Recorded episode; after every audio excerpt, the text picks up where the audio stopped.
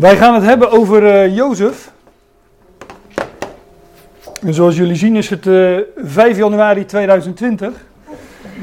Daar wees Jens me net op, want ik had de datum uh, nog niet veranderd. Want er stond gewoon 22 december 2019. Maar uh, ja, daar stond hij. Daar, dat stond ook gewoon gepland voor 22 december 2019. Alleen ja, toen. toen sloeg het noodlot toe. nou, dat is wat overdreven misschien, maar. Nou, ik had een hele zieke dochter uh, op dat moment. En, uh, ja, heel zielig. Heel zielig, ja, ja. En die. Uh, de huisarts zei dat het zes weken kan duren. Ja. Maar die, die had echt flink koorts, 40,5 meter op een gegeven moment. En toen, begon ik, toen ben ik, heb ik op donderdag heb ik thuis gewerkt. op vrijdag ben ik dan altijd vrij. Maar op vrijdag begon ik me ook al een beetje minder te voelen. En uh, ja, op zaterdag had ik opeens uh, koorts. Dus toen dacht ik, nou, nu is het mijn beurt. En zij was al uh, twee weken echt flink ziek. Maar de volgende dag was eigenlijk een uitziekdag en ging het wel weer redelijk. Dus achteraf denk ik, als ik Fem niet had gehad, die zo ziek was, had ik het misschien gewoon door laten gaan. Maar daar hebben jullie nu niks meer aan. Hè? Dat is mosterd na de maaltijd. Mij. Oké. Okay. Het ging gewoon zoals het, uh, het loopt toch zoals het moet lopen. Waarom weet ik niet, maar. Ik weet het ook niet. Ik hoef alles niet te snappen. Maar toen, toen wilde ik het over Jozef hebben. Uh, misschien had ik dan gewoon als titel gegeven Jozef. En dan hadden jullie mogen raden welke Jozef. Dat was rond de kerst natuurlijk wat act actueler geweest. maar. Uh, nou, er zijn nogal wat uh, Jozefen in de Bijbel. Uh, wij denken toch vaak als eerste aan deze Jozef, denk ik. Hè, die Jozef uit, uit Genesis. En rond de kerst weten we er meestal nog wel eentje te noemen. Um, maar um, ja, ik heb ze voor jullie geteld. Dat, valt niet mee overigens. Want um, de naam, je hebt de naam Jozef, maar je hebt ook nog uh, Joses. Dat is dan de, de Griekse versie. En Josek kwam ik nog tegen. Ik heb zo'n uh, zo'n namenboekje van het uh, Morgenrood, waar, al die, waar alle Bijbelse namen in staan. Bijbelse persoonsnamen en plaatsnamen. En dan worden ze achter elkaar genoemd, maar er zit heel veel overlap in natuurlijk. Want Jozef wordt de ene keer weer Joses genoemd. Maar ehm, ik, ehm, ik telde er 15 dat is best wel veel. En het, maar het is soms wel een beetje lastig, want uh, er was ook bijvoorbeeld nog een, uh, een halfbroer van, uh, van Jezus die ook Jozef heette. Maar die wordt de andere keer ook een Jozes genoemd. Die ga ik zo even noemen, Fem, want dat is ook een goeie. um, maar bijvoorbeeld alleen al in het geslachtsregister van Jezus in Lucas 3 staan vier Jozefen of jo Joses of uh, hoe dan ook.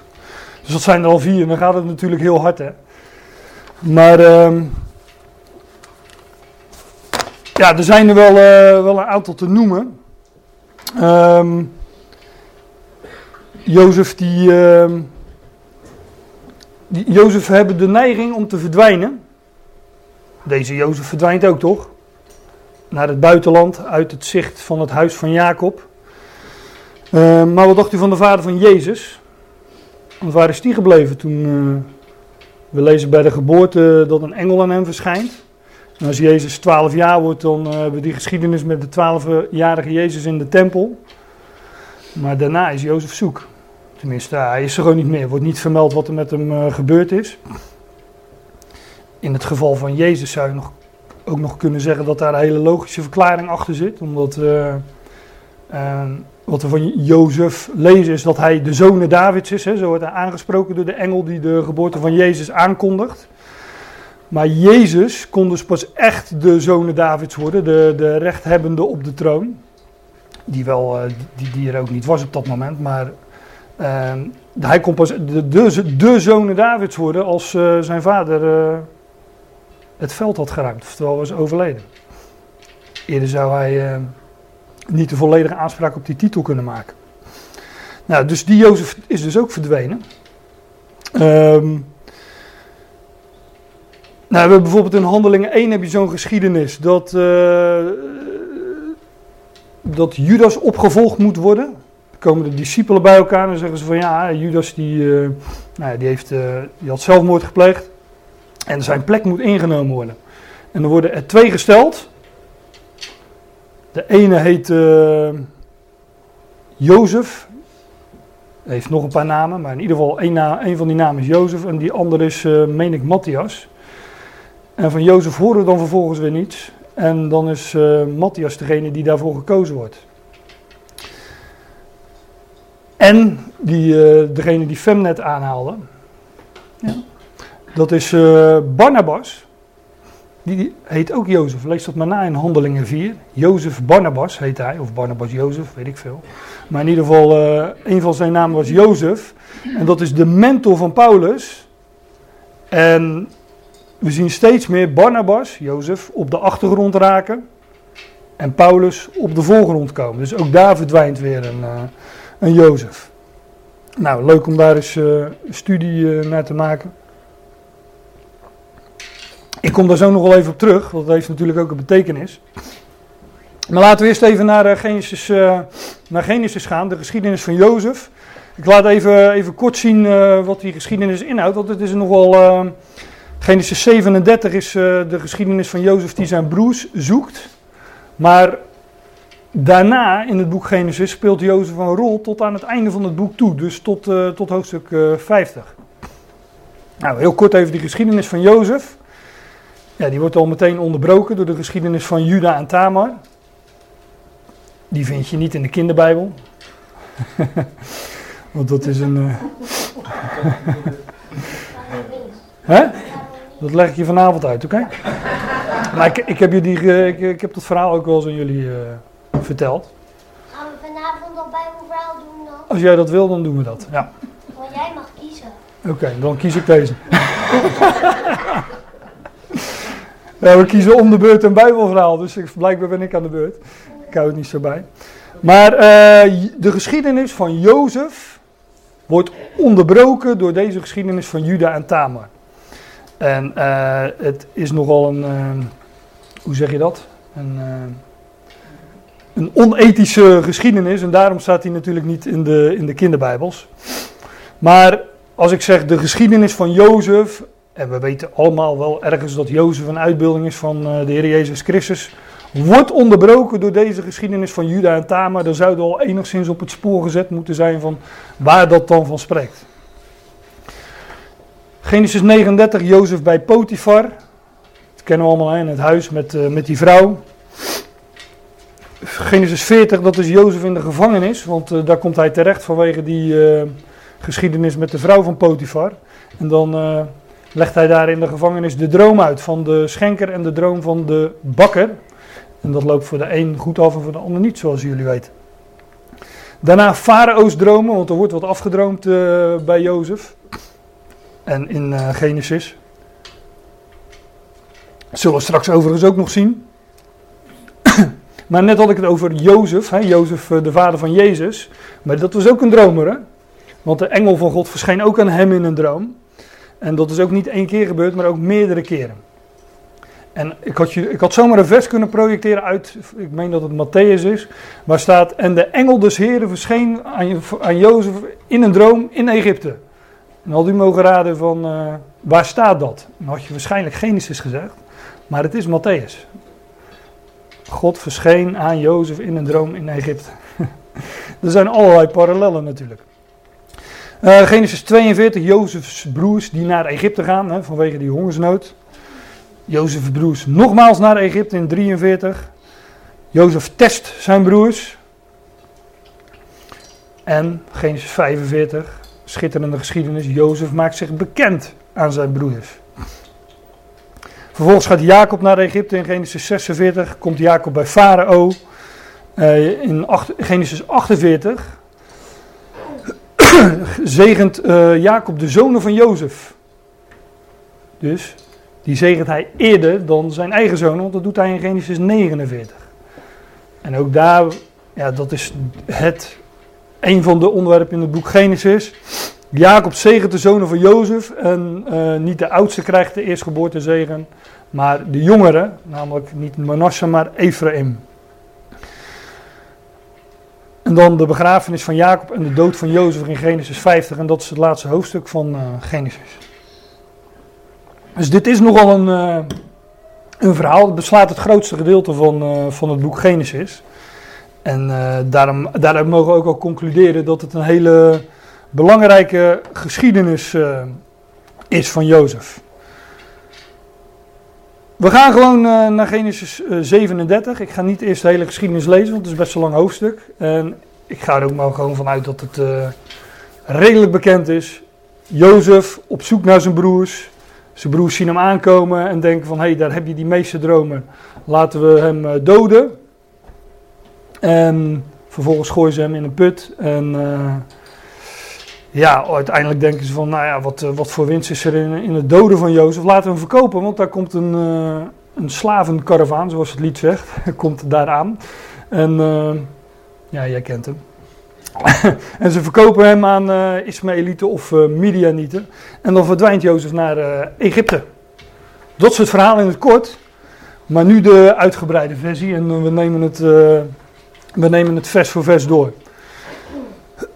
Dit is Genesis 37, vers 1. En daar staat: Jacob woonde in het land der vreemdelingschappen zijn vaders in het land Canaan. Ik pak even de Statenvertaling. Want anders moet ik heel tot zeggen: dit is de vertaling van Masculin. Uh, dat ja, of Kenaan, dat, dat, dan moet ik dat zelf gaan vertalen. Dus dat, uh, ik zal die vertaling er af en toe wel even bij pakken hoor. Maar ik meen dat, uh, dat de Statenvertaling hier vrij goed en scherp is in. In ieder geval in dit hoofdstuk. Over de rest wil ik niet discussiëren op dit moment. Maar hier staat Jacob woonde in het land de vreemdelingschap zijns vaders in het land Canaan. Dit zijn Jacobs geschiedenissen. Punt. En ik uh, meld het even op een zijlijn, maar dat eerste vers en het, het, eerste gedeelte van het tweede vers, dat zou je, hadden ze eigenlijk gewoon aan uh, hoofdstuk 36 moeten plakken. En hier zou eigenlijk een nieuw hoofdstuk moeten beginnen. Bij Jozef, zijn een zoon van 17 jaar enzovoort. Want dit woord, um, maar dat, ook dat zeg ik alleen maar en zoek dat allemaal maar eens na. Dit woordje toledood, wat hier staat, het Hebreeuwse woordje toledood, betekent zoiets als de chronologieën van, chronische verslagen van. Dit zijn de wordingsgeschiedenissen van. En zoek het maar na. In Genesis is dit altijd een onderschrift. Dus het is een, ja, het is een teru terugblik zou je kunnen zeggen. Wij, zouden, zoals, wij hebben iets vergelijkbaars bij boeken, dat heet een uh, colofon. Of colofon. Maar het is een soort onderschrift van ja, dit zijn de geschiedenissen van, dit zijn de chronologische verslagen van Jacob, punt. En dan begint er een nieuw gedeelte en de, het is, je zou het ook kunnen zeggen, het is een soort ondertekening van het voorgaande, van degene namelijk die op schrift gesteld heeft. En zo vind je de toledot van Adam, de toledot van Noach, de toledot van Sem, Gam, Jafet. Die hebben allemaal het gedeelte dat zij hebben, uh, op schrift hebben gesteld, hebben zij ondertekend met deze frase.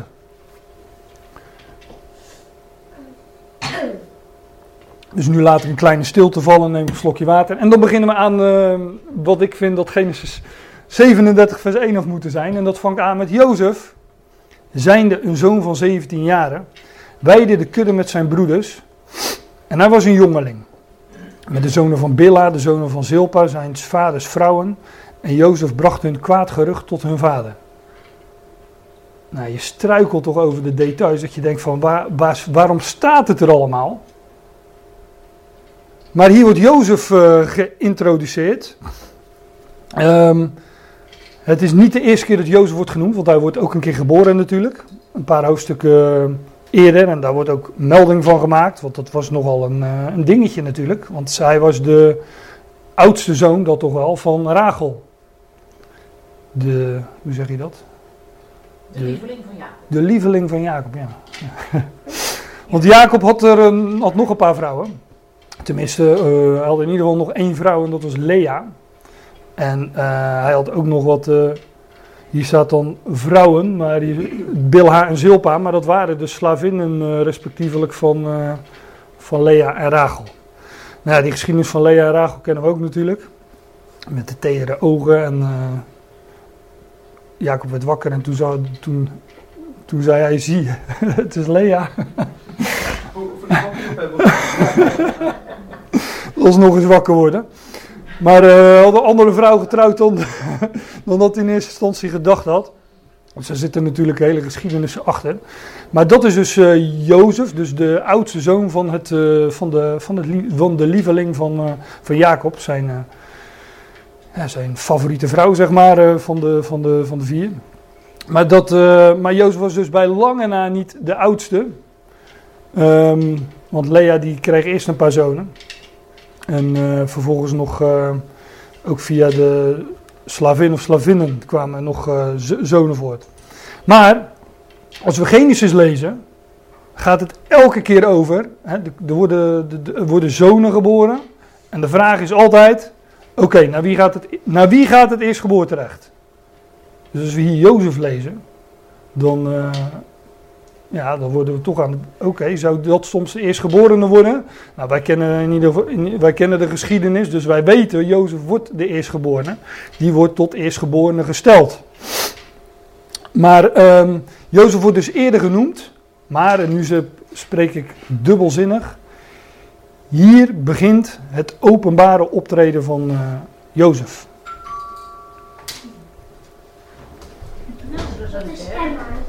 Hier begint het openbare optreden van Jozef. En dat zeg ik natuurlijk, zoals ik al zei, eh, dubbelzi- dat is dubbelzinnig. Omdat Jozef een uitbeelding, een type is van de Heer Jezus Christus. En eh, ja, da- bij hem hebben we het ook altijd over eh, het begin van zijn openbare optreden. Dus deze geschiedenis is ook een type van het openbare, het, het, het openbare optreden, om het zo maar dan te noemen, van eh, de Heer Jezus Christus. Ik zei al, eh, ik- gaf net even aan wat de, de samenvatting van, de, van de, de geschiedenis is. Hè, maar Jozef, ehm, de geschiedenis van Jozef is een geschiedenis van hoe hij ging van lijden en vernedering tot aan verhoging. Hij eh, werd miskend door zijn broers. Hij wordt in een kuil geworpen. ehm, doodgerekend en hij komt terecht in het buitenland. En daar krijgt hij eh, buiten het zicht van het huis van Jacob een hoge plaats en wordt hij eh, gekroond met eer en heerlijkheid. Maar Jozef, eh, zijn naam betekent Yahweh voegt toe. En ik gaf net al aan dat Jozefen, Jozefen, ja, Jozefen de neiging hebben om te verdwijnen. Maar de Heer voegt dan altijd weer iets toe. Dat zie je in al die geschiedenissen. Kijk, we hebben het nu over Jozef, maar we kijken meteen met een typologische bril, om het zo te zeggen. En we zien daarin de ware Jozef, namelijk de Heer Jezus Christus. Dus die zou toegevoegd worden. Ehm, bij de, als Jozef de vader van Jezus verdwijnt, nou, wie wordt er toegevoegd? Jezus. Ehm, nou, ik noem net al twee voorbeelden van, ehm, van Matthias en van eh, Jozef Barnabas, waar Paulus werd toegevoegd. Maar ook deze Jozef, waar we het nu over hebben, kreeg ook een andere naam. Hij was Jozef, Jaweh voegt toe. En wat voegde Jaweh toe? Safnat Paneach, zo noemde Farao hem. En dat betekent de redder van de wereld. En natuurlijk is deze Jozef een uitbeelder van Christus en ook van Jezus zou je kunnen zeggen. Dat de Heer zou toevoegen, namelijk de opgewekte, de Christus. Nou, daar is, eh, daar is Jozef een, eh, een type, een beeld van. Je zou zelfs nog kunnen zeggen, ga ik nog een st- stapje verder. De Heer, de Heer zou toevoegen. Het, en wat voegt hij aan Christus toe? De gemeente, zijn lichaam. Want in handelingen, geen diertje van, maar ik zoek het even op.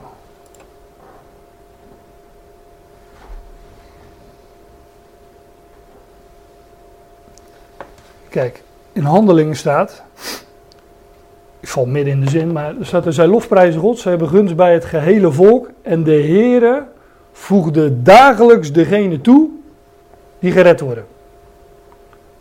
Dus aan die Ecclesia, daar in de begindagen van handelingen, voegde Jahweh, kijk als je het in het Hebreeuws zou zeggen, staat er de Heer voegde toe Ja, dat zou gewoon in het Hebreeuws eh Jozef een vervoeging daarvan zijn. Jawel voegt toe. Nou, dat, dat is wat hij deed. Hij voegde het dagelijks toe. Dus ook, ehm Jozef is ook nog, ja, dus daarin zie je in, in sommige geschiedenissen ook nog een beeld van, eh, van de Ecclesia. Maar dat zou ons niet moeten verbazen, want overal waarvan Christus gesproken wordt, van de Christus, wordt gesproken van, ligt daarin verborgen de Ecclesia, de gemeente, zijn lichaam. Want ja, wij zijn één met hem. Ehm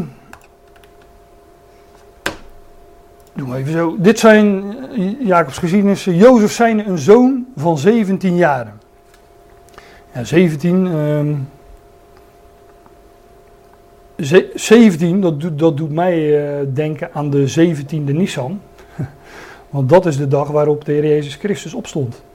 De opstandingsdag. Wa- waarom zouden wij moeten weten dat Jozef hier 17 is? En we komen dat nog wel wat vaker in de schrift tegen. Want ehm, van de ark lees je bijvoorbeeld. De ark bleef in de zeventiende maand, eh, in de zevende maand, 17 maanden zijn er niet. Dan kom je in de vijfde maand. hè. Als je, als je, ja, nou ja. De ark bleef in de zevende maand, op de zeventiende dag van de maand, vastzitten op het gebergte van Ararat. Stekker erin. Ja, ik doe de stekker erin. Gelukkig word ik gewaarschuwd. Zo, we hebben weer energie. Ja. Maar ook die ark stond als het ware op. De hele mensheid zat, zat daarin, de nog levende mensheid zat daar in die ark en die, stond, die bleef als het ware vast, die bleef vastzitten op het gebergte van Ararat. En ehm, ja, ook een beeld natuurlijk van, eh, van opstanding. Hij weidde de kudde met zijn broeders. En hij was een jongeling. Ja. Jongelingen, dat is, ook dat is, heeft weer met nieuw leven te maken, met een nieuwe generatie. We vinden nogal wat jongelingen in de Bijbel. De, de, nou, de jongeling van Nain, hè, die ook wordt opgewekt. Ook een beeld van Christus. Nou gaan we geen studie maken naar de jongeling, maar ik, ja, ik noem het maar gewoon. We lezen het toch, dus we kunnen, de, kunnen niet omheen. En dan staat er met de zonen van Bilha en de zonen van Zilpa. En dat is ook vreemd, want waar zijn dan de zonen van Lea? Die waren er gewoon bij hoor, maar die worden niet genoemd. Ik denk, want ik heb, er, ik heb, ik heb erover nagedacht, waarom, waarom zou dat nou zijn? Kijk, Jozef komt hier tot zijn broeders. En dat is een uitbeelding van hoe de Heer Jezus Christus kwam tot zijn broeders, tot het volk Israël namelijk. Maar die waren in slavernij onder de wet. Dat hoef ik niet uit te leggen, daar gaat heel, dat, dat, dat lezen we in de evangelie. En hier worden alleen de zonen van die slavinnen genoemd. Als uitbeelding van een Israël dat slaaf was onder de wet. Jozef kwam tot zijn broeders, de zonen van Bilha en de zonen van Zilpa, zijn vaders vrouwen. Ja, ik, eh, ik, heb, ik heb ze pas, eh, maar dat is al een paar weken geleden, dus dat is weggezakt. Van uh, uh, Armeladus. Maar ze wa- ook, ook de zonen van Lea waren erbij, want we lezen natuurlijk over deze, in deze geschiedenis over eh, Ruben en over Juda. Dat waren toch echt zonen van, eh, van Lea. Alleen die worden hier niet genoemd. Tenminste, wordt niet genoemd dat, eh, in, in, in, deze frase. En, eh, nou, ik denk dat de achterliggende gedachte is dat, dat hier wordt geschilderd. Dat die zonen een uitbeelding zijn van Israël in slavernij onder de wet. En ze, ze weiden, oh dat heb ik nog overgeslagen. Ze weiden, Jozef weide de kudde met zijn broers. En ehm, ja, Jozef is natuurlijk een beeld, Jozef is hier dus een herder. En dus een beeld van de goede herder, de Heer Jezus Christus. Maar ook het volk Israël wordt in de profetieën, worden dat, eh, eh, wordt niet alleen de kudde genoemd, maar worden ook herders genoemd. Hè. De overste van dat volk worden herders genoemd. En eh, slechte herders die zichzelf wijden en niet de kudde. Dat blijkt ook wel uit deze geschiedenis. Want ze zijn hier niet op de, op de juiste plaats. Ja, Jozef bracht een kwaad gerucht tot hun vader. Daar kan je natuurlijk iets van vinden. Hè. Dat, eh, dat dacht ik vroeger ook altijd. Van, nou, dat is niet zo handig. Broers verlinken elkaar nou eenmaal niet. Maar je kan ook, heel, je kan ook zeggen dat Jozef trouw was aan zijn vader. En dat die broers niet deugden, dat blijkt wel uit de rest van de, van de geschiedenis. Jozef is hier trouw aan zijn vader, zoals, eh, zoals de Heer Jezus Christus natuurlijk ook trouw was aan zijn vader en niet aan zijn broeders. Want zijn broeders, eh, ja, die, eh, die, eh, die, wa- die waren niet op de juiste plek. Maar daar, daar komen we zo wel op. Als we elk, over elk vers zo lang gaan doen. Israël had Jozef lief. Jacob, hè, Israël, Jacob is Israël, andere naam voor hem. Israël, Jacob had Jozef lief boven al zijn zonen, want hij was hem een zoon des ouderdoms. Nakomertje. Niet de laatste overigens, want dat was Benjamin, die kwam, eh, die kwam, die kwam nog later. En hij maakte hem een veelvervige rok. Een eh, veelkleurige rok, een veelvervige rok. En dit woord van eh, die, die, die, dat veelvervige, dat komt in het Oude Testament nog één keer voor. Dat is in eh 2 Samuel 13, vers 18. Zoek dat maar eens na. Maar dat is ook niet zo'n frisse geschiedenis. Het gaat over de zonen van David. Die had ook al allemaal vrouwen. Niet zoveel als zijn zoon, maar David had ook een aantal vrouwen. En eh, de, de, dus allemaal halfbroertjes en halfzusjes. En in die, dat hoofdstuk lees je dat eh, een van die eh, zonen van David zijn halfzus eh, verkracht. En eh, ik meen dat ja, Absalom is die, eh, die hem later eh, daar, daardoor daarom om zeep helpt. Dus, eh, daar, en die vrouw heet eh, Tamar. ja, Genesis eh, 38 gaat dus over Juda en Tamar. Hè? Andere Tamar natuurlijk. Maar die vrouw in 2 Samuel 13 heet eh, Tamar. En die heeft een, eh, een veel, ook een veelvervig kleed. Dat legt zij af om te rouwen. Maar dat is dus, een- daar is ze dus echt een koninklijk kleed. In ieder geval een kleed van een koningsdochter. Nou, en hier eh, is het Jozef waarvan we weten dat hij later tot eerstgeborene gesteld zou worden. Die deze veelvervige rok dra- draagt, veelvervig kleed. Eh, wat natuurlijk een- ook een uitbeelding is van, eh, van heerlijkheid, van koninklijke heerlijkheid. Ehm, maar ik denk dat het eh, een, een, een beeld is van de, zoals we dat later in Efeze 3 lezen, van de veelkleurige, de veelvuldige wijsheid van God. Hè, opdat nu door de Ecclesia, de gemeente, aan de overheden en de machten, de autoriteiten in de hemel, de veelzijdige of veelkleurige, veel gevarieerde wijsheid van God bekendgemaakt zal worden. Daar spreekt het van. En kijk, Jozef had het kleed aan, maar hij is daarmee een uitbeelding van de Heer Jezus Christus, die bekleed was met de veelkleurige wijsheid van God. En wij, zijn, ja, wij, wij delen in die heerlijkheid van Christus. En daarom wordt, wordt in Efeze 3 over de Ecclesia gesproken, dat die de veelkleurige wijsheid van God bekend maakt. Want die veelkleurige wijsheid van God is Christus. Nou, daar eh, valt veel meer over te zeggen natuurlijk, maar daar laat ik het bij. Hij had Jozef lief boven al zijn zonen, want hij was een zoon des ouderdoms en maakte hem een veelvervige, een veelkleurige rok. Als nu zijn broeders zagen dat hun vader hem boven al zijn broederen lief had, haatten zij hem. En zij konden hem niet vredig toespreken. Ja, later je in de geschiedenis van, eh, waarin Jozef zich bekend maakt aan zijn broers, dat Jozef hen wel vredig toespreekt. Hè? Kennen jullie die geschiedenis allemaal? Anders zoek ik, zoek ik het even het vers op, maar ik denk dat dat niet nodig is. Ehm, nou, laat ik, laat ik het gewoon wel doen. We zijn toch bezig. Hè? Dat is het voordeel van zo'n programma, dat gaat vrij snel. Ze schrikken zich een ongeluk als zij die Egyptische, voor die Egyptische koning staan en die, eh, die hen al beproefd heeft. En eh, dat dan die koning eh, zegt van, ja, ik ben het, ik ben Jozef. en dat ziet Jozef en dan zegt hij, maar nu, wees niet bekommerd.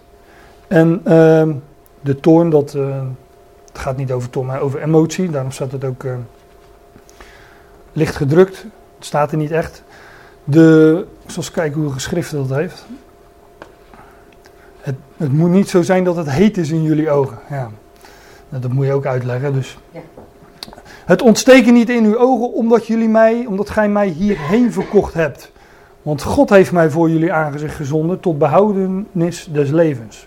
God heeft mij gezonden om jullie te redden. Dat, dat wist Jozef. En eh, hij spreekt hen vredig toe. Wees niet bedroefd, wees niet bekommerd. Dus Jozef sprak hun later wel eh, vredig toe, maar zij konden dat in ieder geval, eh, Eh, niet bij hem, zeker hier nog niet. Ook droomde Jozef een droom. Dat is altijd leuk, hè, die, dat Hebreeuws. Ik zou niet weten wat je anders moet dromen dan een droom. Ook droomde Jozef een droom die hij aan zijn broeders vertelde. Daarom haatten zij hem nog meer. Ja, Maar een visioen is natuurlijk wat anders dan een droom. Dus hij droomt in een droom. hij droomde een droom. Ja. Ja, denk ik. Maar. Ja, Ja, maar, maar ja, er staat ook wel eens dat, dat de Heer verschijnt aan iemand in een, eh, in een droom. En, in een gezicht. ja, of in een gezicht. Maar ja, is het dan een. Zou eh, dat het verschil zijn? ik weet niet. Hij droomt wel eens andere dingen ook, maar Ja. die droom vertelt. Ja, hij, ja, hij wist wel dat, dat, dat dit iets te betekenen had, want dat blijkt wel uit het eh, vervolg. Maar de- ja, zoals ik eerder al zei, dromen zijn natuurlijk kenmerkend ook voor eh Jozefs geschiedenissen. Schenker en de bakker, de dromen van Farao, van de magere en vette koeien en magere en eh, vette aren. Nou, enzovoort. Ook je droomde Jozef een droom die hij aan zijn broederen vertelde. Daarom haatte zij hem nog meer. En hij zeide tot hem, hoor toch deze droom die ik gedroomd heb. en ziet, wij waren schoven bindende in het midden des velds. En ziet, mijn schoof stond op. En bleef ook staande. En ziet, uw schoven kwamen rondom. En bogen zich neder voor mijn schoof. Toen zeiden zijn broeders tot hem: Zult gij dan ganselijk over ons regeren? Zult gij dan ganselijk over ons heersen? Zo haatten zij hem nog te meer om zijn dromen en om zijn woorden. En hij droomde nog een andere droom. En dan denk je, doe dat nou niet. maar dan staat er, en hij en verhaalde die aan zijn broederen. maar hij doet het wel. ja. Zo is dat waar was. Ja, hij wist dat het waar was. Dus dan, eh, maar de, wa- de waarheid maakt niet populair natuurlijk. En hij, eh, en hij zeide, zie ik hem nog een droom gedroomd. En ziet, de zon en de maan en elf sterren bogen zich voor mij neder. En als hij het aan zijn vader en aan zijn broederen verhaalde, bestrafte hem zijn vader en zeide tot hem, wat is dit voor een droom die gij gedroomd hebt? Zullen wij dan ganselijk komen, ik en uw moeder en uw broeders, om ons voor u ter aarde te buigen? Zijn broeders dan benijden hem, ze waren jaloers, nijdig. Maar zijn vader bewaarde deze zaak. Ja. Nou ja, die, die dromen die spreken in principe voor zich natuurlijk. Want eh, de broers begrijpen het ook. Hè? De, de, de, eerstelings, eh, de eerste schoof staat op. Hè? En dat is een beeld van Jozef. Dus ik zeg ik ook dubbelzinnig, want de eerste schoof, daar vinden we later, die vinden we later ook terug in, eh, in, in de wet, in Exodus meen ik. En daar is dat natuurlijk een uitbeelding van Christus die als eerste opstond. Maar die andere schoven zullen volgen. Als uitbeelding hier van, eh, van Israël natuurlijk. En eh, dat wisten die broers, eh, die begrepen dat maar al te goed. En ook van de zon, maan en elf sterren die voor Jozef neerbogen. Daar hadden de broers totaal geen moeite mee. Die wisten en, en, en, en vader Jacob ook niet. En dan zeg ik erbij, als je dan in openbaring 12 komt en het gaat ook over zon, maan en 12 sterren. Ja, dan weet je waar het over gaat. Tenminste, Jacob, het huis van Jacob wist waar het over gaat. Dit huis van, van Jacob. Ja, natuurlijk hebben die, eh, hebben die dromen ook een toepassing op, eh, niet alleen op Jozef, want het, het werd later vervuld aan Jozef, maar natuurlijk ook op Christus. Hè? Ook, zijn, ook, zijn broeders, ook zijn, zijn broeders zullen voor hem zich buigen. Hè, wanneer hij zich aan hun bekend maakt. En rouwklagen over wie ze... Ja, dat, dat is Zacharia. Ze zullen rouw klagen over hem die zij doorstoken hebben. Zacharia, maar ook eh Jezaja, 53. Ja.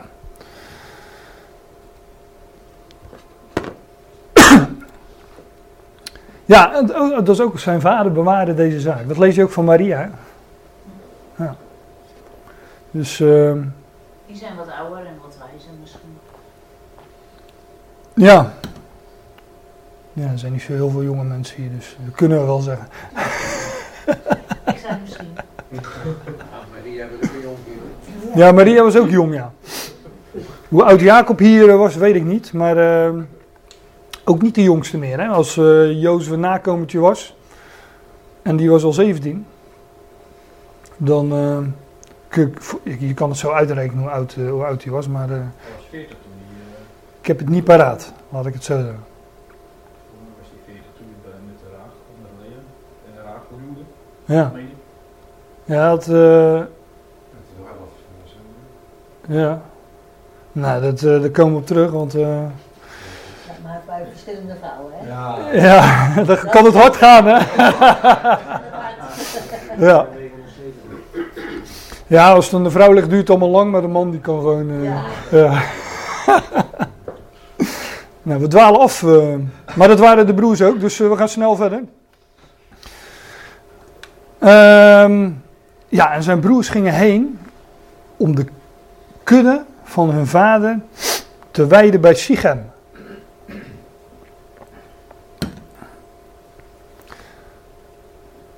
Sichem, die plaats, in, in ieder geval hebben we daar allemaal wel eens van gehoord.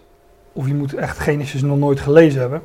Maar als je nu in Genesis 37 aankomt, ja, dan is Sichem al een, eh, een, een- een begrip in, eh, in Genesis. Want Sichem is de plaats van de aartsvaders. De, de, de, dus de plaats van de belofte, want God deed zijn belofte aan Abraham, Isaac en Jacob. Hè. Dat is een eh, refrein in de, in de schrift. maar Sichem, daar kwam Abraham terecht toen hij eh, in het beloofde land aankwam. En wat doet Abraham? Hij trok door dat land. Abraham trok door dat land, Genesis 12 vers 6. Hij trok door dat land heen tot aan de plaats van Sichem. Dus daar vestigde hij zich. Voor degenen die willen weten wat het is, nou dat ligt hier.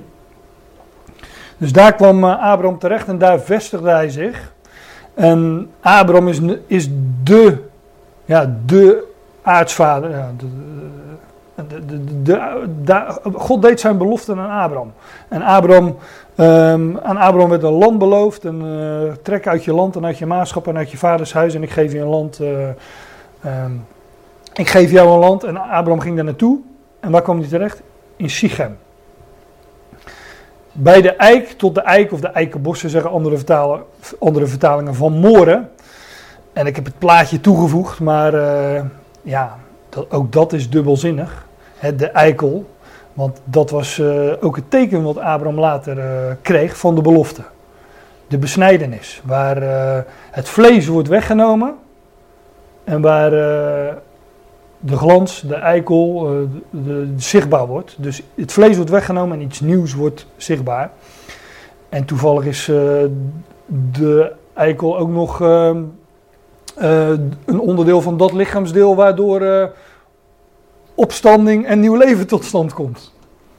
Maar nu worden we wel heel dubbelzinnig.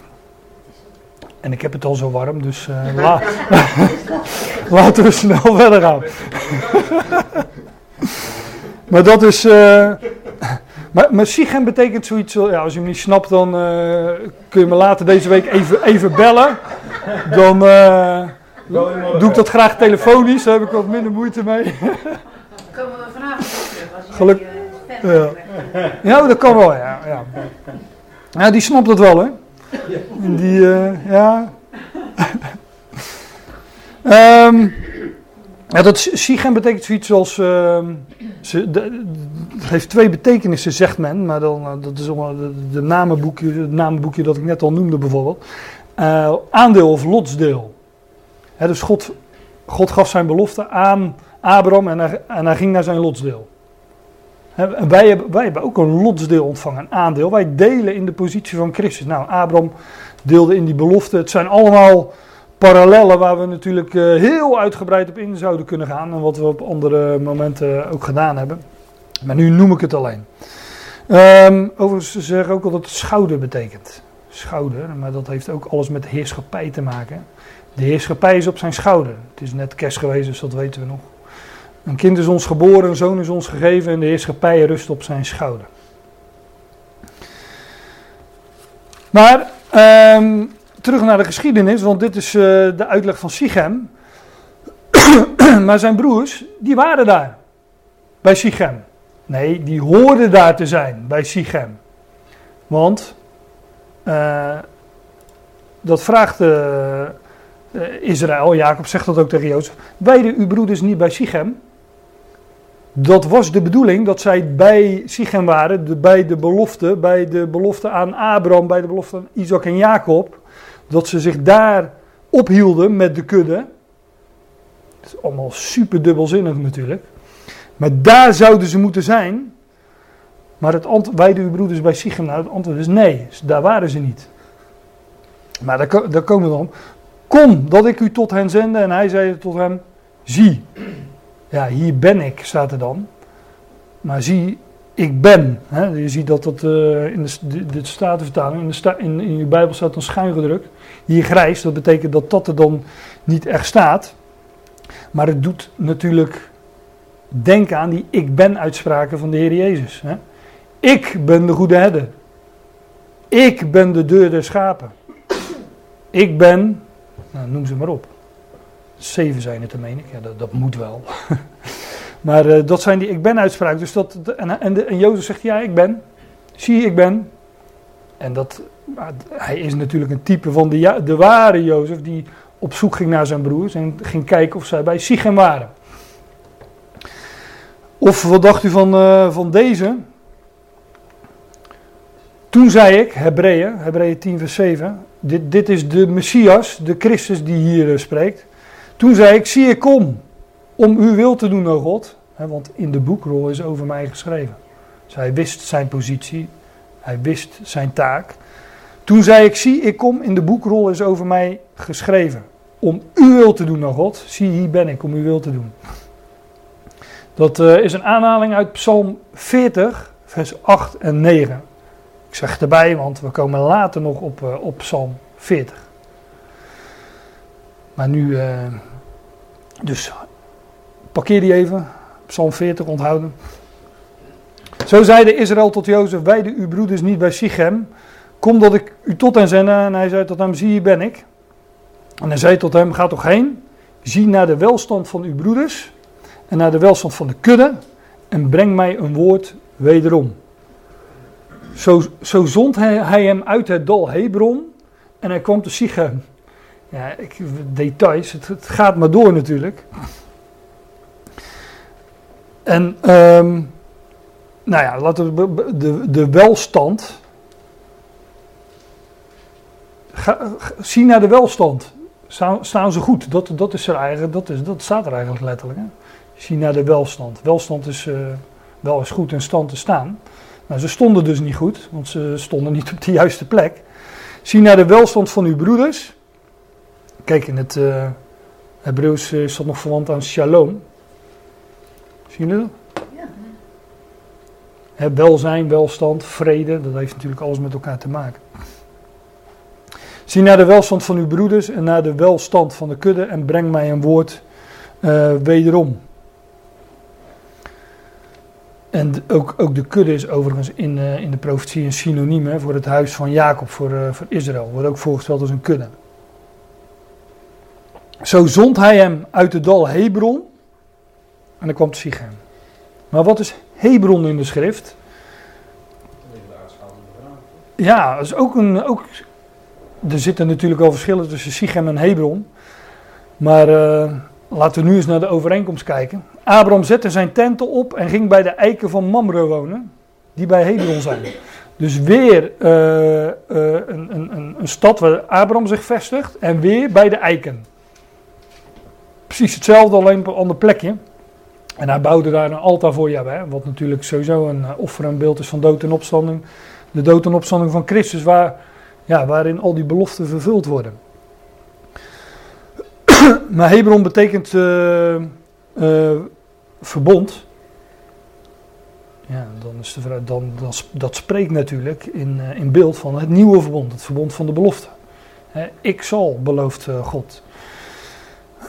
Weten jullie wat er eh, nog meer te vinden is in Hebron? Er liggen twee deuren als het goed is. Ja, die deuren. de, de, de, de poorten van Gaza.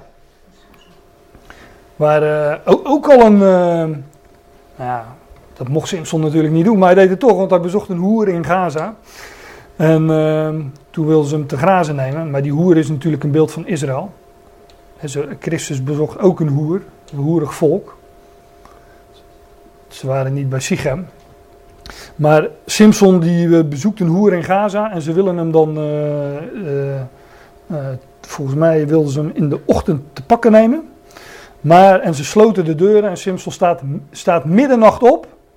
Hij staat middernacht op, hij rukt die poorten uit zijn voegen, neemt ze op zijn rug en zet ze op een heuvel of een berg bij Hebron. Als uitbeelding van de dood die overwonnen werd. De poorten van het dodenrijk die werden daar op een hoge plaats eh, gezet. En Simpson verdween naar, verdween naar die hoge plaats. Dat is uitbeelding van de Heer Jezus Christus die in de nacht opstond en verdween naar een hoge plaats. En daar, eh, daarmee met ja, de dood overwon. Echt een schitterende geschiedenis natuurlijk. Ook, overigens ook Hebron, dat ligt nou tientallen kilometers eh, verder dan Gaza. Ik meen, ik meen ergens ki- kilometer 60, maar het kunnen er ook 40 zijn, dat maakt mij niet zo heel veel uit. In ieder geval tientallen kilometers heeft hij met die poort op zijn rug eh, gelopen. En, Niet over het asfalt. nee, Nee. ook niet over het asfalt, nee. Maar daar is ook, ja, daar is ook Hebron dus een, een uitbeelding van. Maar daar waren, daar waren die broers eh, dus ook al niet. Ik, eh, voor de pauze eh, maak ik nog even af van waar ze dan wel waren. En een man vond hem, want hij was dwalen in het veld. Zo vroeg hem deze man zeggende, wat zoekt gij? Ja. Kijk, wij weten van de Heer dat de zoon van de mens, de ware Jozef, kwam om het verlorene te zoeken en te redden. Hij- de zoon des mensen kwam, te, kwam, eh, kwam om te zoeken en zalig te maken dat wat verloren is. Dat, zo ken ik hem uit de Statenvertaling. De zoon van de mens kwam om het verlorene te zoeken en te redden. Nou, hier komt hij in beeld.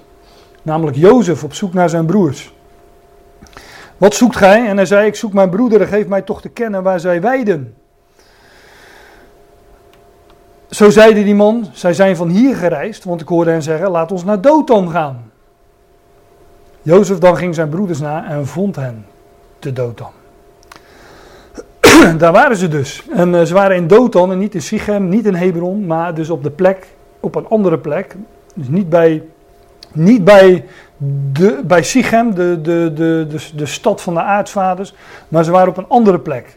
Nou, dan is, zou het heel simpel moeten zijn, want dan moet je weten wat, eh, wat Dothan betekent en dan, eh, dan ben je er eh, natuurlijk. Maar daar verschillen de, de, de, de boekjes nogal over. Ik, die van het morgenrood die ik net eh, erbij pakte, die al noemde, die zegt dat het betekent twee bronnen. Maar dat is een mooie, want ook het volk Israël, ten, toen de Heer kwam om zijn volk te zoeken, ook zij putten uit twee bronnen. De schrift, de, de, de, de Tenach, maar ook, ook andere bronnen, zoals eh, ja, overleveringen. En in de praktijk, als men uit twee bronnen put, dan is de overlevering uiteindelijk altijd belangrijker dan de schrift zelf. Ook, ook in onze tijd kennen we daar voorbeelden van. Want als men iets naast de schrift heeft, is het altijd de bedoeling dat je de schrift leest door de bril van die andere geschriften. Want anders heb je die eh, andere schriften niet nodig. Als je alleen de schrift hebt, dan eh, is al het overige is, eh, fijn ter kennisgeving. Maar het zou getoetst moeten worden aan de schrift. En als je er iets naast hebt, gebeurt het altijd andersom. Dan wordt de schrift getoetst aan de hand van die, eh, van die geschriften. Dan, dan legt men die geschriften eroverheen. En als het niet overeenkomt met die geschriften, ik zei bijna de catechismus, of noem ze maar op, hè, want dat is het in de praktijk, ja, dan, dan schuift men het aan de kant. Zo werkt dat in de praktijk en dat was ook toen de Heer tot zijn volk eh, kwam. En daar eh, lezen we ook nogal wat voorbeelden van. Volgens mij heb ik er straks nog wel een. Ehm, anderen zeggen dat het betekent eigen wetten. Eh, Want kijk, Dotan, als het twee bronnen zou betekenen, zou het volgens mij, maar ik heb niet zo, dat zover het strekt mijn kennis van het Hebreeuws nou ook niet, maar zou het moeten eindigen op Aim, want het is een dubbelheid, een, twee, een tweevoud. En Ephraim, Dudaim, die eindigen allemaal op Aim. En dat Ephraim betekent bijvoorbeeld dubbele vrucht. Dus die gaat over twee bronnen, dan zou het, eh, dan zou het ook op Aim moeten eindigen volgens mij. Nou, wat het ook betekent, hè, ze waren bij de komst van Jozef niet op de juiste plek.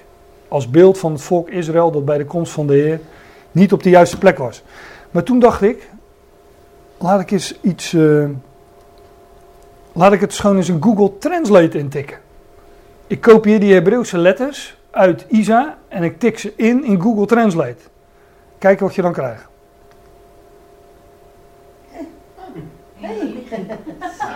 Ze waren in religie. Dat is toch keurig? Ik had ook zo'n aha-momentje toen ik dat eh, deed. Niet zo goed, toch? Ja, dus ehm, ja, ik, ik pas had ik ook zoiets van, ik dat nou eens ik zag nog ergens een woord staan, ik denk laat ik dat eens intikken in Google Translate en je kopieert en plakt en je, nou ja, je zal er niet altijd blind op kunnen varen, maar dit moet wel kloppen, denk ik dan. ja, ze waren in, eh, in religie.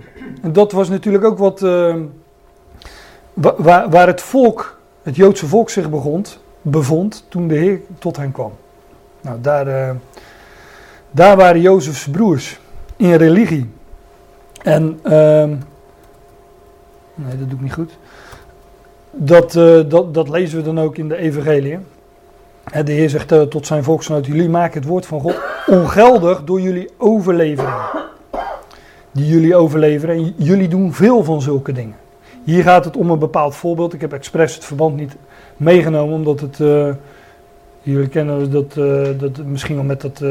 het is korban. Hè, dat, dus als dat uit moet gaan leggen is nogal ingewikkeld. Maar in ieder geval zegt, zegt de Heer tot hen van. Ja, de wet zegt dit. Maar jullie zeggen van ja, maar als je dit en dat doet, is het ook wel goed. En daarmee maken jullie het woord van God ongeldig. En dat doen jullie, eh, jullie doen veel van zulke dingen, zegt de Heer tot zijn eh, volksgenoten. Dus eh, ze, door hun eigen tradities, hun eigen over- overleveringen van mensen wordt dat ook genoemd, maakten zij het, het woord van God ongeldig. Ja, en dan eh, zien zij hem aankomen, maar dat eh, bewaren we tot eh, na de pauze. Wij zijn aangekomen in vers 18. En daar staat dan over de broers van Jozef. Zij zagen hem van verre. En eer hij tot hen naderde, sloegen zij tegen hem een listige raad om hem te doden. Nou, ik heb, eh, ik heb er maar een voorbeeldje bij gehaald uit de Evangelie, waar dat ook van, eh, van de Heer Jezus gezegd wordt. Maar dat, dat, dat ik een, eh, een hele lijst van kunnen maken natuurlijk. Daarom vervolgden de Joden Jezus, Johannes 5 vers 16, en zij zochten hem te doden. Omdat hij deze dingen op de Sabbat deed. Dat heb ik er toch maar even bij geprojecteerd. Want daar, daar hebben we het wel eens over gehad, hè? over een genezing op de Sabbat. De man met de dorre hand, maar ook de lammen bij, van Bethesda. Omdat juist die Sabbat een uitbeelding is natuurlijk van de grote Sabbat, de zevende dag. Of wat dacht u van deze? Maar toen de landbouw, dit is een eh, gelijkenis. Toen de landbouwers de zoon zagen, zeiden zij onder elkaar: Dit is de erfgenaam. Maar zouden die broers dat ook niet gedacht hebben van Jozef? Dit, hè? Dit is de erfgenaam, kom laten we hem doden en zijn erfenis voor onszelf houden. Weet niet of de broers dat echt gedacht hebben, maar Jozef was, was, was de eerstgeborene. Want in, in deze gelijkenis gaat het over de, ehm, de landbouwers die, eh, ehm, waarin de eigenaar van, de, eh, van, van het land eerst een knechten stuurt. Hè, en die worden, worden gedood. En uiteindelijk stuurt hij dan zijn zoon. En dan zeggen de, de landbouwers als ze de zoon zien, dit is de erfgenaam, kom laten we hem doden en zijn erfenis voor onszelf houden. Toen ze hem gegrepen hadden, wierpen zij hem buiten de wijngaard en doden hem. Als beeld natuurlijk van de Heer Jezus Christus die buiten de poort geleden heeft en daar stierf en eh, gedood werd. Nou, dat gebeurt in beeld ook, eh, ook met Jozef. Ze sloegen een listige raad tegen hem om hem te doden. En ze zeiden de een tot de ander, ziet, daar komt die meesterdromer aan. Bezitter van dromen. Dit woord eh, is het uh, woord eh, Baal. Een Baal van dromen. een heer, Baal betekent heer of bezitter van, van dromen. Die meesterdromer, zegt de Statenvertaling dan. Bol. Is We zitten van bol. Bol.com vervult ook al je dromen. Hè? Nee, maar eh, het woord bol, bolwerk, komt, daar, komt dat er niet vandaan, bolwerk? Een bolwerk. Nou, dat weet ik niet. Bolwerk. Je hebt wel allerlei websites met, eh, ehm, waarin je de, de etymologie van, van woorden kunt opzoeken. Dus, eh, Oké. dan hoor ik het volgende keer wel van je. Weer, weer, weer. Huiswerk.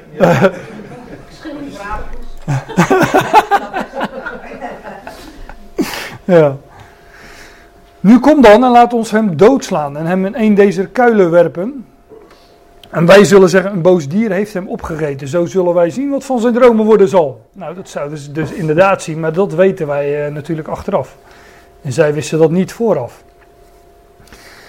Ehm, ja, laten we hem doodslaan. Nou, dat, dat deden ze dus uiteindelijk niet, dat, we- dat weten we natuurlijk. Maar hem in een van deze kuil, kuilen werpen. Ehm, de kuil in de schrift is een beeld van de dood. Dus, het is een, eh, vaak een synoniem voor het graf. En ik had het net over, weet u nog, weet u nog dat ik zei, Psalm 40, parkeer hem even. Ja, nou daar komt hij. Psalm 40, dat is dus dezelfde psalm.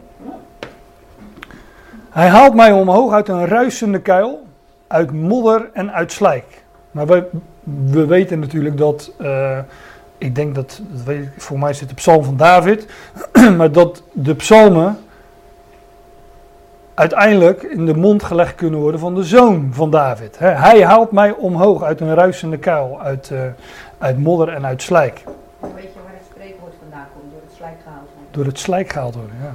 ja. Hij, doet, hij doet staan mijn voeten op een steenrots. Hij, hij zet mij op een steenrots. Leon, dit ken je van U2, hè, van eh 40. nee, niet? Nee.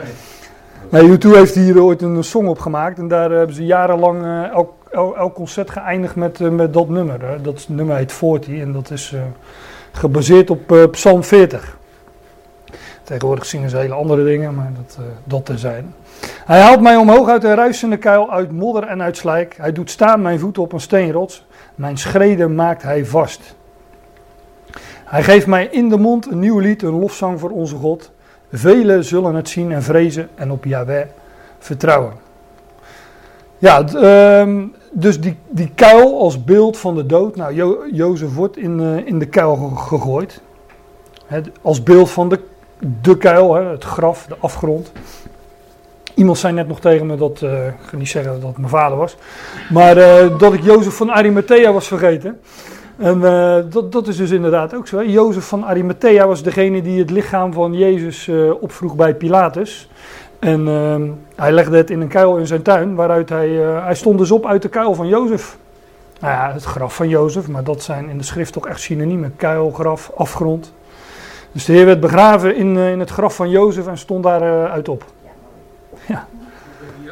Hm? Nou, daar hoor je niks meer van inderdaad. Daar zijn wel allerlei mythen en, eh, eh, verhalen over, maar dat terzijde. Maar de Bijbel zwijgt er verder over en daar gaat het maar om. Nu kom dan en laat ons hem doodslaan en hem in een deze kuilen werpen. En wij zullen zeggen, een boos dier heeft hem opgegeten. een wild dier.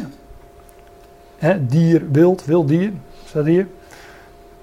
En dat doet ons toch denken uit, eh, ja, we, in, in openbaring 13 gaat het, dat is vertaald in de meeste vertalen met het beest. Maar ook daar is het eh, letterlijk een wild dier. Het beest van openbaring 13, dat natuurlijk een, eh, een, een, een ja, hoe zeg je dat, een vermenseling of verpersoonlijking van, van Satan is natuurlijk, van de tegenstander, het beest. Zo zullen wij zien wat van zijn dromen worden zal. Satan dacht natuurlijk ook dat, dat hij bij de dood van de Heer hem verslagen had. Hè? Maar dat, eh, dat, een boos dier heeft hem opgegeten. Nou ja. Ruben hoorde dat en verloste hem uit hun hand. En hij zeide, laat, laat ons hem niet aan het leven slaan. Ook zeide Ruben tot hem, vergiet geen bloed. Werp hem in deze kuil die in de woestijn is en leg de hand niet aan hem. En dat deed hij opdat hij hem uit hun hand verloste om hem tot zijn vader weder te brengen. Een kuil in- de woestijn. Hè. Woestijn is natuurlijk ook een beeld van, eh, van de dood. Daar is geen, daar is geen leven. Hm? voor 40. Woestijn is toch 40? Voor 40 jaar. Oh, dat weet ik niet. De getalswaarde. Dat zou kunnen. Nou, we hebben heel wat op te zoeken, geloof ik. eh. Maar in ieder geval zwierf het eh, volk Israël 40 jaar door de woestijn. Dus.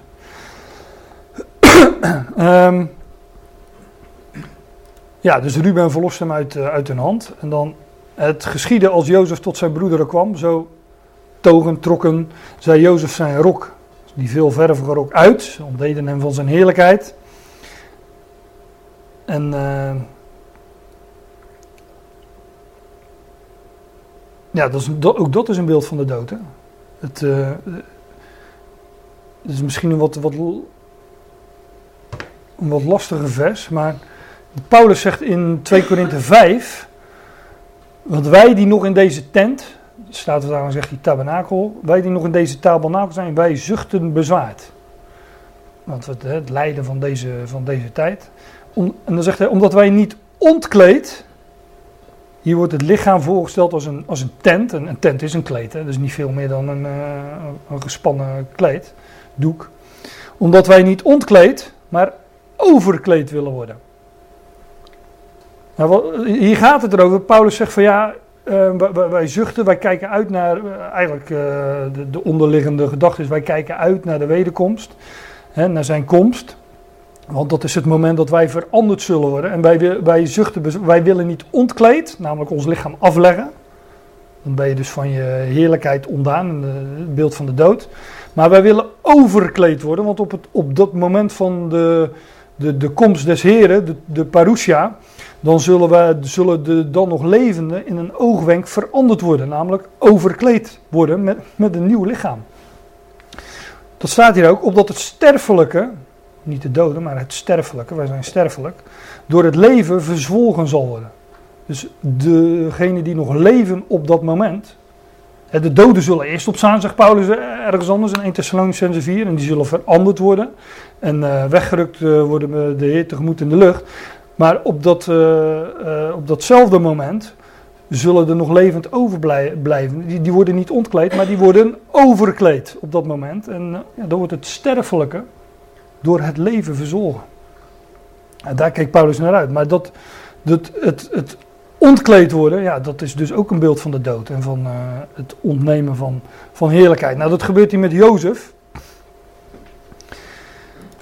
En hij, ze namen hem en wierpen hem in de kuil, maar de kuil was ledig, was leeg. Er was geen water in. Ook een beeld van, er was geen, ook, ook water is leven, dus ook weer een beeld van de dood. Dus eh, ja, hij, hij stierf niet letterlijk in die kuil, maar eh, alle eh, details eromheen die wijzen ons dat het toch al over de dood gaat.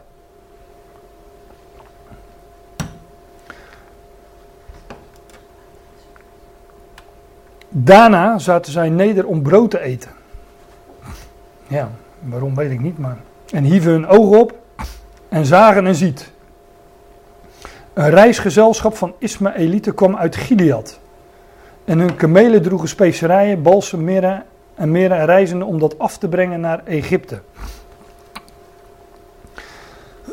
In, in, in Genesis 42, daar zijn de broers bij Jozef. En dan eh, stelt Jo, voor mij stelt het hoofdstuk dat Jozef hen op de proef stelt.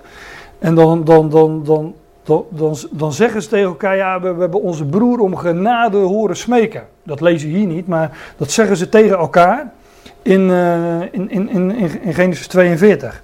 En dan staat er, ik zal het laten zien, maar zij hoorden hem niet.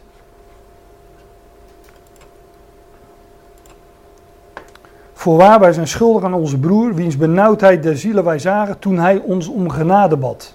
Maar wij hoorden niet. En het eerste wat je hier leest, viel mij op, is dat je. Ze, ze, ze, daarna zij zaten ze neder om brood te eten, hieven hun ogen op en zagen ziet een reisgezelschap van Ismaëlieten. kwam uit Gilead. Weten jullie wat Ismaël betekent? God hoort. Dus Zij zeggen later van ja, hij smeekt om genade, maar wij hoorden niet.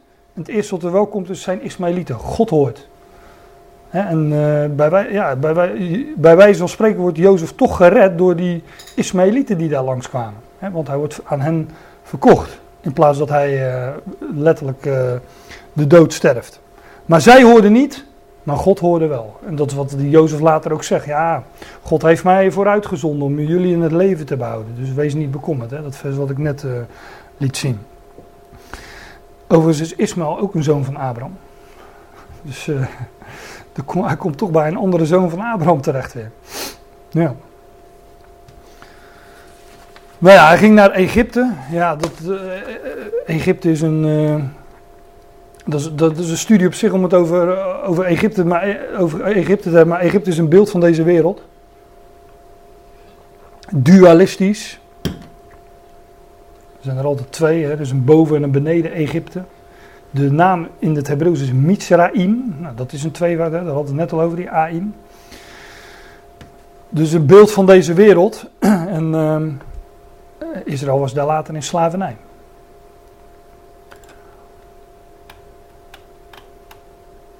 Toen zei Juda, ja, toen zei Juda tot zijn broederen, wat gewin zal het zijn dat wij onze broer doodslaan en zijn bloed verbergen. Juda was dus een echte Jood. Want ja, wat, wat voor winst heeft het, hè? Er, wel viel toch nog wat te verdienen. Dus, eh, ik zeg het met een knipoog natuurlijk, maar... Maar ja, toch wel typisch dat dat precies Juda is die dat zegt, toch? Terwijl dat, dat, dat Joodse volk toch bekend staat om hun handelsgeest. Nou, dat deed hij toch? Ja, daarom. Ja. Maar ehm, ja, wat voor gewin zal het zijn dat wij onze broeder doodslaan en zijn bloed verbergen? Kom en laat ons hem aan deze Ismaëlieten verkopen. Onze hand zijn niet aan hem, want hij is onze broeder, ons vlees. En zijn broeders horen. Hij had toch eh, hele zuivere motieven. ja. Nou ja, dat. eh, Maar, maar, maar wat gebeurt hier? Juda levert Jozef over aan heidenen. Precies wat je in de evangelie eh, leest. Het Joodse volk levert de Heer Jezus over in de hand van de Romeinen om hem eh, ja, te doden. Als nu de Midianitische kooplieden voorbij togen, voorbij trokken, zo trokken en hieven zij Jozef op uit de kuil en verkochten Jozef aan deze Ismaëlieten voor twintig zilverlingen en die brachten Jozef naar Egypte. Ja, die Ismaëlieten zijn hier opeens Midianieten. En dat, eh, nou wat daar de betekenis eh, precies van is, weet ik ook niet. maar ook Midian was een zoon van Abraham. Want Abraham die, eh, had later nog een andere vrouw, dat is wat minder bekend. Ketura. Daar kreeg hij volgens mij hoeveel zonen? Zeven geloof ik hè. Nou, één daarvan was Midian. En ehm, nou, Jozef komt bij buitenlanders terecht. Hij komt terecht in het buitenland. Is natuurlijk een beeld van. Hij stond op uit de kuil. Hij werd opgeheven. Hè, zo trokken en hieven zij Jozef op uit de kuil. Zoals de Heer Jezus ooit opstond uit de kuil van Jozef. eh, het graf van Jozef. Uit de tuin van Jozef van Arimathea. Zo eh, ja, wordt hier Jozef uit eh, de kuil geheven. Diezelfde kuil als Psalm 40 natuurlijk. En ehm, verkochten eh, Jozef aan, aan deze Ismaëlieten. Nou, blijkbaar zijn dat dan dezelfde als de Midianieten. Er zijn ook hele theorieën over dat het twee verschillende karavanen waren. En eh, nou ja, daar kan je natuurlijk eindeloos over doorgaan. Hoe eh, de vork precies in de stil zit, eh, weet ik ook niet. Maar in ieder geval, ja, wij kennen nog iemand die, ik hoorde het vandaag nog iemand zeggen geloof ik. Nog iemand die in Midian terecht kwam. Dat was jij toch Fred? Nee, nee, dat ging over Jacob. Nee, nee maar we kennen nog iemand die eh, in Midian terecht. Mozes, ja. Mozes kwam eh, voordat Jozef het volk ging leiden, voordat hij het volk uitleidde uit, het, eh, uit Egypte naar het beloofde land, was hij 40 jaar in Midian. Nou, hier komt Jozef, voordat hij het volk ver- verlost, voordat hij verhoogd wordt, voordat zijn broeders hem erkennen, komt hij terecht bij Midianieten. En gaat naar Egypte. Nou ja, de parallellen zijn, eh, zijn, die zijn er natuurlijk. Overigens kreeg Jozef kreeg in het buitenland hoeveel zonen? Twee? Twee. Ja. Manasse en Ephraim. En hoeveel zonen kreeg Mozes in het buitenland? Ook twee. Ja, ja. dus uh, nou, er zal ook wel een parallel uh, zijn. Denk ik zomaar. Nou, wie mij kan vertellen waarom het hier 20 zilverlingen zijn en in de evangelie 30 zilverlingen waarvoor de Heer Jezus wordt uh, overgeleverd door Judas, die mag het zeggen, ik weet het niet. Kan natuurlijk. Uh, de rente. Ja, ja, de inflatie, dat was ook het enige wat ik kon bedenken. het is een paar jaar later natuurlijk. Staat die 20 niet voor een termijn? Ja, je zou kunnen zeggen dat spreekt voor de 2000 jaar, uh, de 20 eeuwen, de eeuwen, de 2000 jaar, de twee dagen. Uh, dat, uh, dat Jozef zich onder de Ismaëlieten of uh, in Egypte bevindt. Als uitbeelding van onze tijd, waarin Christus zich 2000 jaar, 20 eeuwen onder de natieën bevindt. Maar ja, waarom dan 30 in de evangelie? Nou, dit zijn zilverlingen. Wat zijn die 30 dan? Ook, Ook zilverstukken, geloof ik, ja. ja. Ja. Nou ja. Als nu Ruben tot de kuil wederkeerde, ziet zoals Jozef niet in de kuil. Toen scheurde hij zijn kleren. Ik, ik, ik, heb, echt, ik heb nagedacht van, ja, wat zit hier nou voor betekenis achter? Waar, waar was hier Ruben nou? Kijk, Ruben was de, de, Ruben was de letterlijke eerstgeborene. Hij was de oudste. en als hij ergens uh, had laten zien dat hij uh, de oudste was, dan had hij dat uh, natuurlijk hier moeten doen. En dat doet dat nogal halfslachtig natuurlijk. Maar waar was hij dan? Misschien bij de schapen. Bij de schapen, ja, dat, dat zou wel kunnen, ja. ja. Ja, maar ik weet niet hoe ver die schapen waren bij de, de broers van hem. Ja, hij was even weg. Even plassen of zo. Ja, weet ik veel. Wat, wat was hij nou doen? Nou, in ieder geval, uh, hij had een plannetje, maar dat, uh, ja, dat was nog wel een, een halfslachtig plan, om het zo te zeggen. En dat heeft dus niet gewerkt. Daar zal dus nog wel meer achter zitten, maar ja, ik weet het niet. Hij keerde weder tot zijn broederen en zeide, de jongeling is er niet. En ik, waar zal ik heen gaan? Hè? Wat, wat, moet ik nu? Wat, wat, moet ik nu? Wat moeten we nu? Uh, voelde zich blijkbaar toch wel uh, enigszins uh, verantwoordelijk nog. Toen namen zij Jozefs rok. Zij slachten een geitenbok en zij doopten de rok in het bloed.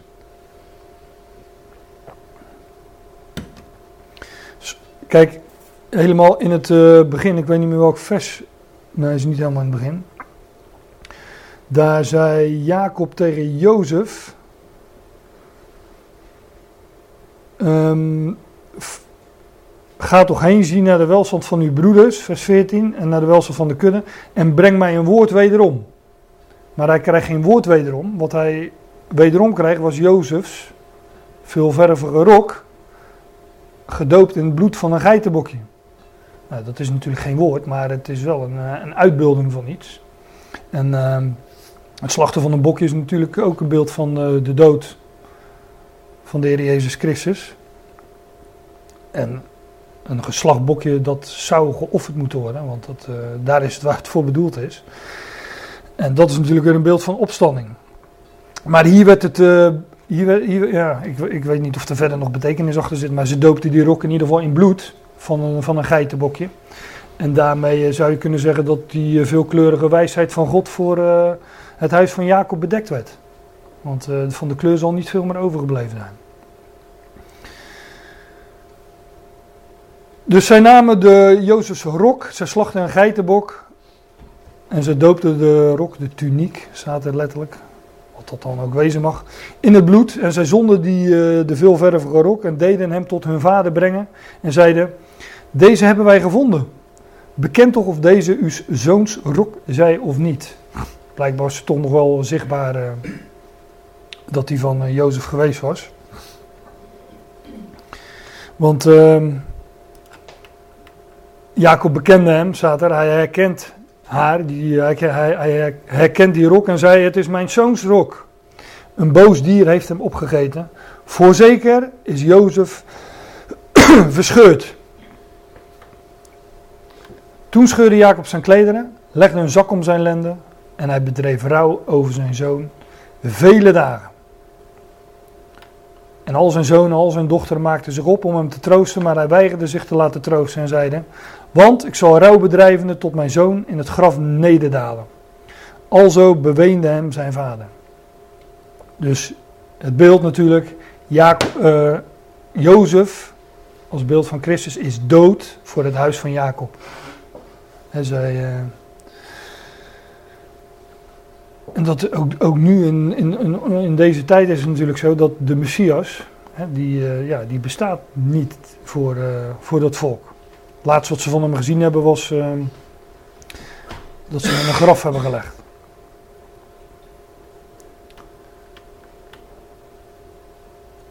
En de Midianieten verkochten hem in Egypte aan Potifar, een hoveling van Farao, overste der trawant of overste van de lijfwachten. In ieder geval een belangrijke, een bela- belangrijke man in, eh, in het huis van die, eh, in de hofhouding van die farao. Daar kwam Jozef dus terecht. En eh, dat is dus ook het einde van, van deze geschiedenis, deze introductie van, van Jozef. En het volgende vers is Genesis 38, vers 1, wat gaat over die geschiedenis van Juda en Tamar. Maar dit is het laatste vers wa- wat we lazen in Genesis 37. En je kunt zo doorlezen in Genesis 39. Want hier gaat de geschiedenis verder. Jozef nu werd naar Egypte afgevoerd. En Potifar, een hoveling van Farao, een overste der Trawant, een Egyptisch man, kocht hem uit de handen Ismaëlieten die hem derwaarts afgevoerd hadden. En die hele geschiedenis van Genesis 38 is dus een intermezzo in de geschiedenis van Jozef. Je kunt het zo weglaten en dan mis je in het verhaal van Jozef niets.